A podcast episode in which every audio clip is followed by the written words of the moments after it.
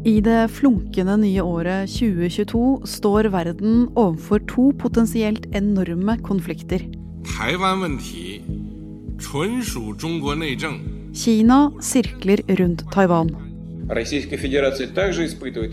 Mens Russland har nær 100 000 soldater ved den ukrainske grensa. I går kveld snakka den russiske presidenten med den amerikanske presidenten Biden om den spente situasjonen rundt Ukraina.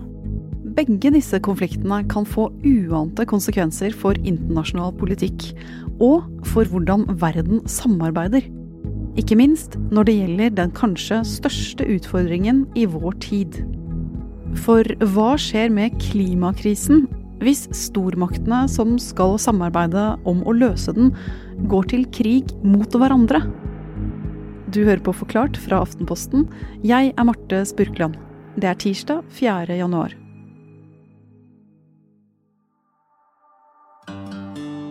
Jeg har jo vært her og kalt eh, konflikten mellom Ukraina og Russland for en glemt krig. Men de har altså vært i krig i over sju år. Dette er Helene Skjeggestad, som dekker klima her i Aftenposten, og som også er utenriksjournalist. Hun skal bli med på første etappe av dagens rundreise i internasjonal politikk. Som starter et lite stykke sør og et godt stykke øst for oss, i Ukraina, hvor den glemte krigen fortsatt pågår. Og Det starta med at eh, Ukraina skulle velge om de ønska mer samarbeid med EU eller mer med Russland. Eh, og Så endte de opp med å velge Russland, og da brøt det ut enorme protester i hovedstaden. Og den prorussiske presidenten han ble kasta. Da svarte Russland med å annektere den ukrainske Krimhalvøya, og de har òg støtta eh, prorussiske opprør øst i Ukraina. Og der står vi egentlig i dag òg. Eh, de siste årene har det vært mer en stillingskrig. Ikke så varmt, ikke så mye kamphandlinger. Men eh, så har dette begynt å forandre seg, og særlig da for et år tilbake. Og nå står altså Russland klare til å gå inn? Ja, det er i hvert fall det mange frykter. Eh, siden i vår så har Russland sendt titusenvis av styrker mot grensa til Ukraina. Nå står det så mange som kanskje er 100 000 og banker på døra til naboen. Så er det jo sånn at ingen egentlig vet om dette er for å presse Ukraina og Nato til å gjøre slik eh, Russland ønsker, eller om eh, Putin faktisk ønsker å gå til krig. Og om en ukes tid skal Russland møte først USA og så Nato for samtaler. Men forventningene om de store, gode løsningene er ikke så høye. Og hvis denne krigen faktisk blusser opp og blir mye større, kan konsekvensene også bli det. Ikke minst for klimaet. Ja, hvis vi ser på fakta først, da, så er Russlands utslipp av klimagasser eh, de fjerde største i verden. Og så vet vi at landet har i stor grad bygga sin velstand på eksport av olje og gass.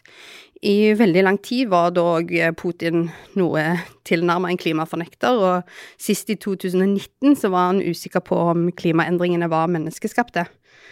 Men så har det skjedd mye i klimaretorikken det siste året. Eh, nå har Putin bedt regjeringen om å kutte utslippene av klimagasser til samme nivå som EU innen 2050. Og så gjenstår det da å se hvor mye av dette som er retorikk, for å ikke bli hengende etter når det grønne toget nå er i ferd med å forlate parallongen i verdenspolitikken. Og selv hvis Putin faktisk mener det han sier om klima, så kan krig og konflikt mellom stormaktene fort forstyrre den positive utviklingen. Statslederne får annet å gjøre enn å kutte utslipp. Det grønne toget sporer av. Og det er ikke bare i Ukraina det ulmer. Vi skal nå bevege oss enda lenger sør og enda lenger øst, til en såkalt kjær venn av Putin, Xi Jinping i Kina. Det siste året så har kinesiske jagerfly tatt seg inn i Taiwan-stredet hundrevis av ganger. Og når Xi Jinping snakker om, eh, altså partilederen i Kina snakker om en gjenforening, da er det ganske mange som blir redde for at en invasjon kan være like om hjørnet. Kristoffer Rønneberg, du er utenriksjournalist og tidligere Kina-korrespondent her i Aftenposten. Den mulige invasjonen av Taiwan har jo du snakket om i Forklart før. Er det nå den faktisk vil skje? Altså, Før eller senere, når Kinas ledere føler at tiden er inne, så vil nok den invasjonen komme fordi det er så viktig for dem. Og Så er jo spørsmålet om de føler seg klare nå, eller om det er bare noe de prøver å gi inntrykk av. De, de, færreste tror nok at det vil skje før OL i februar i Beijing, fordi det kommer til å ta vekk all oppmerksomheten fra et sportsarrangement som er veldig prestisjetungt for Kina. Men uh, hva som skjer etter OL, det får jo tiden bare vise. Um, kineserne kan jo f.eks. tenke at en eventuell konflikt mellom Russland og Ukraina også kan være en mulighet for dem til å angripe Taiwan, fordi verdens oppmerksomhet da vil være rettet uh, ditover. Og den muligheten der, invasjon i Ukraina og Taiwan samtidig, som er manges verste mareritt, skal vi komme tilbake til. Men vi skal holde oss til klima litt til.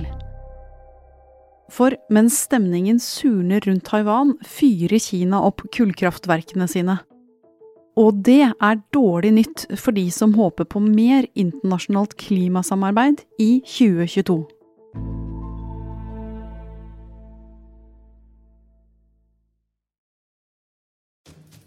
På klimatoppmøtet i Glasgow i fjor høst kom USA og Kina helt overraskende med en felles erklæring der de lovet å samarbeide om å redusere klimagassutslipp. Det ble sett på som et viktig steg i retning av samarbeid mellom to klimaverstinger. Ingen slipper ut uh, mer klimagasser enn Kina. De ligger på rundt uh, 27% av verdens totale utslipp. På andreplass, med rundt 11% der ligger USA. Så til sammen så står de for nesten 40% av all CO2-en som slippes ut i atmosfæren vår. Og at disse to landene klarer å bli enige om et samarbeid på klimafronten, til tross for at de krangler om veldig mye annet, det er blitt tatt imot som en god nyhet. Men så må det jo også sies da, at avtalen var ganske tynn på detaljer og konkrete tiltak. Så det er ikke godt å si hvor mye dette samarbeidet faktisk kommer til å ha av, eh, av reelle konsekvenser. Men sånn vanligvis, hvor interessert er egentlig Kina i å redde klimaet? Altså Hvis det kan berge økonomien samtidig, så er de veldig interesserte. Men kinesiske ledere de har lenge sagt at de syns det er litt urettferdig at de skal begynne å kutte i utslippene før de har fått modernisert samfunnet skikkelig. Uh, og så er det jo også sånn at uh, veldig mye av det vi bruker i Vesten av, av produkter, det er, jo, det er, jo, laget i Kina. altså Fra leketøy og telefoner til, til biler og skip. Og, så Partiledelsen de ønsker økonomisk vekst framfor alt annet. Og hvis de kan tjene penger på det å lage produkter innen fornybar energi, som sol og vind, så kommer de til å gripe den sjansen. Men kineserne de mener at vestlige land har et større ansvar enn dem for å kutte i, i utslippene. Nettopp. Og hvis vi retter blikket langt nok vestover fra Kina, eller et godt stykke østover, så kan vi se for oss at vi til slutt skimter USA. Under Donald Trump ble det handelskrig mellom Kina og USA, og forholdet mellom disse to stormaktene har vært ordentlig kjølig de siste årene. I november i fjor møttes president Joe Biden og Xi Jinping for første gang, riktignok digitalt. Hvis det er ett eh, ord som kjennetegner forholdet mellom Kina og USA for tiden, så er det vel eh, maktspill. Kina er en oppvoksende og fremadstormende stat som blir stadig større og stadig mektigere.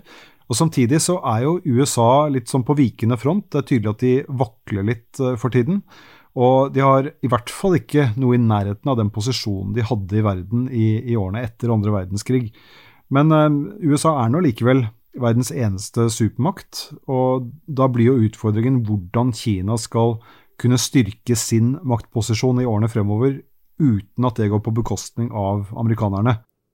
Og så kommer jo Joe Biden inn i bildet her også. Hvordan har stemningen utviklet seg etter det?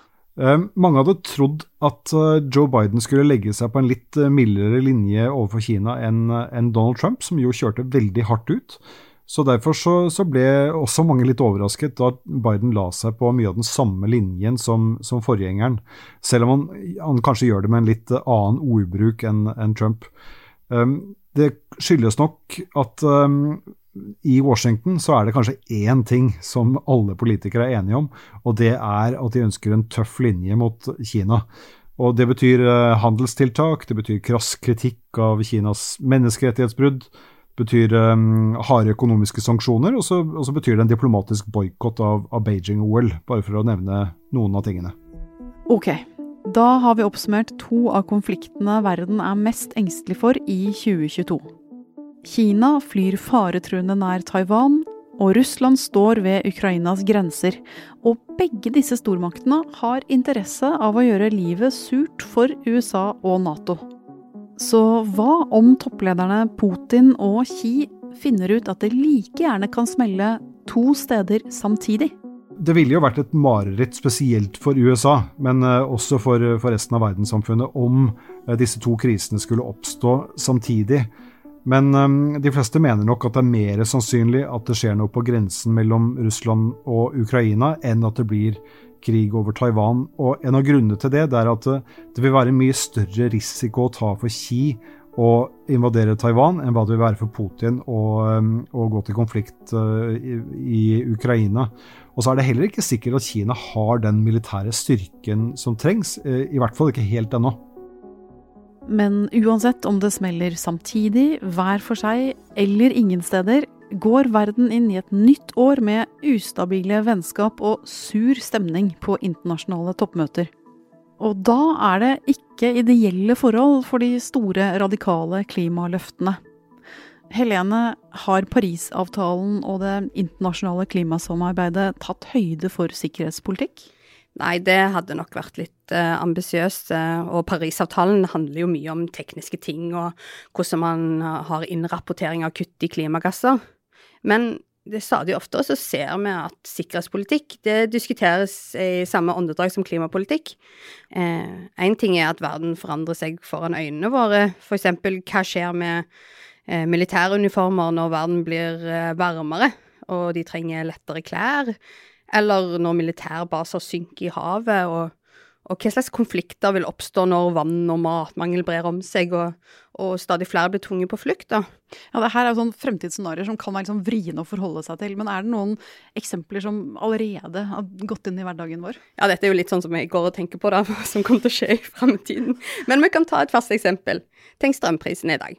Hvordan vil eh, galopperende strømpriser i Europa påvirke forholdet mellom de som bor i europeiske land, og de som styrer disse landene? Og hva skjer når de samme lederne nå skal kutte i utslipp fra fossilt brennstoff på måter som da rammer lommebøkene til de samme som skal stemme på dem? Og dette sier jo ikke Parisavtalen noe om.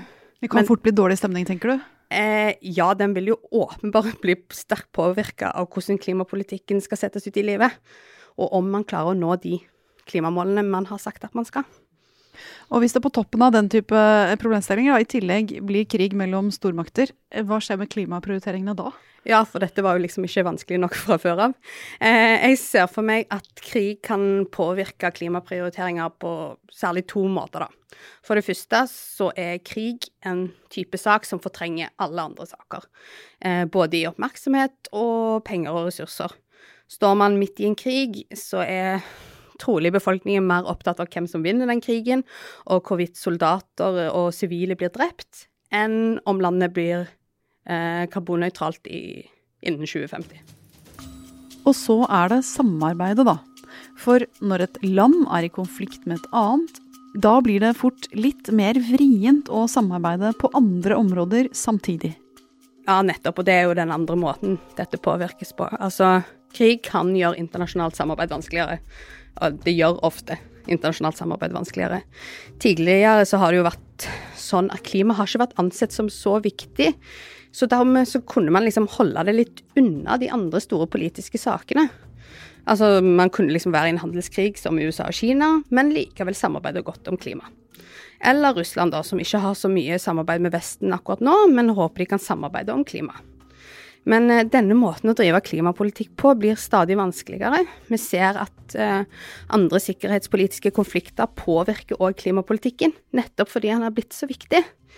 Eller som den kinesiske utenriksministeren Wang Yi sa tidligere i år. Da sa han at USA vil at samarbeid om klimaendringer skal være en oase i forholdet mellom Kina og USA. Men om oasen er omgitt av ørken, vil oasen etter hvert også bli ørken. Litt mindre håpefullt der, altså. Dessverre. Eh, hvor viktig er dette internasjonale samarbeidet da, for å få til klimamålene? Ja, Det er helt, helt avgjørende. Skal man klare å begrense oppvarmingen til 1,5 grader, så må verden samarbeide. Eh, men de må gjerne òg konkurrere om å få ledertrøya i denne overgangen. Her, sånn som vi f.eks. så i kappløpet om å utvikle en koronavaksine, kan eh, litt konkurranse være en fordel. Det finnes ingen planet B, står det gjerne på skiltene i klimamarsjer. Men finnes det en plan B for klimasamarbeidet, hvis stormaktene ryker i tottene på hverandre? Nei, de klarer jo knapt nok å bli enige om en plan A. Men eh, hvis vi prøver å være litt positive, da, så har man jo tidligere sett at man har klart å holde klimaet utenfor stormaktsrivalisering. Og kanskje kan det havne der igjen, hvis det virkelig, virkelig begynner å brenne.